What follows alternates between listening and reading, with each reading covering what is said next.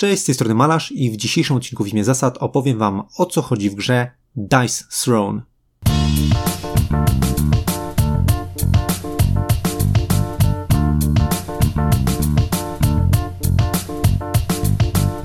Dice Throne to dwuosobowa, konfrontacyjna kościanka. W zasadzie można powiedzieć, że jest to rozbudowany kościany poker. Teoretycznie gra posiada tryb 3 i 4 osobowy, jednak 3 osobówka to jest deathmatch, a 4 osobówka to gra w parach.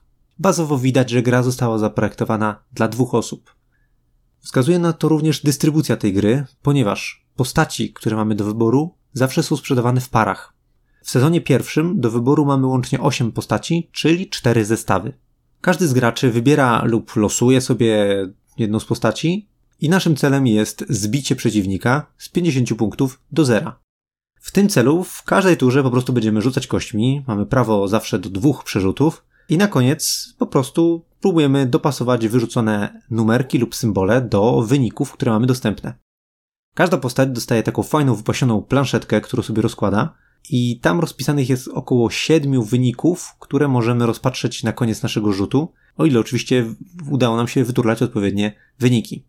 Zawsze dwa z tych wyników to są duży street i mały street, czyli sekwencja czterech albo sekwencja pięciu kolejnych liczb na kościach.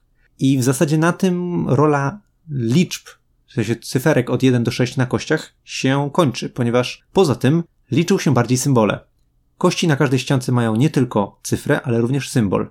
Najczęściej rozkład tych symboli wygląda tak, że kostka na ściankach 1, 2 i 3 ma jakiś jeden, taki główny, najczęstszy symbol, na 4 i 5 ma drugi symbol, a na szóstce ma trzeci, najrzadszy symbol.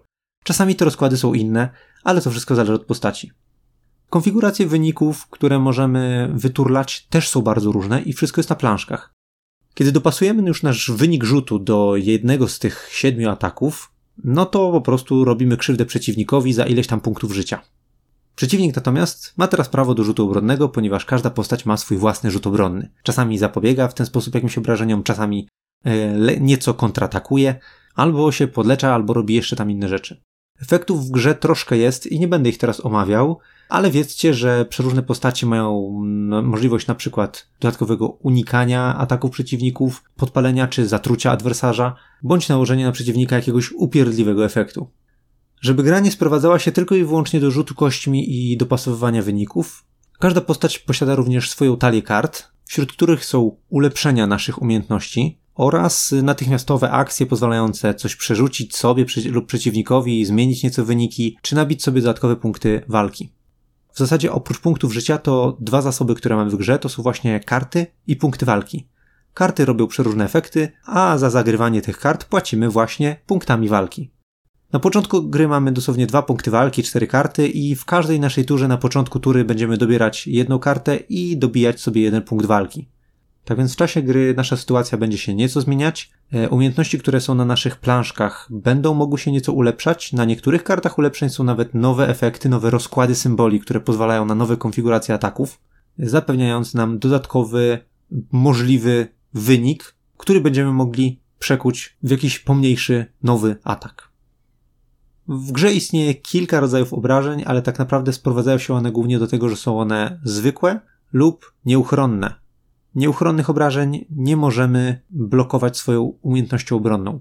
Do tego są jeszcze obrażenia obszarowe albo czyste, ale mniejsza z tym, bo ich się prawie nie spotyka. Ale są też obrażenia specjalne związane ze specjalnym atakiem naszej postaci.